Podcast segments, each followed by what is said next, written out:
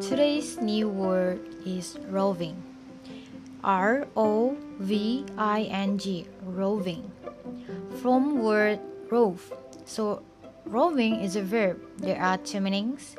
First, roving means travel constantly without a fixed destination. Or in a simple way, we called wander.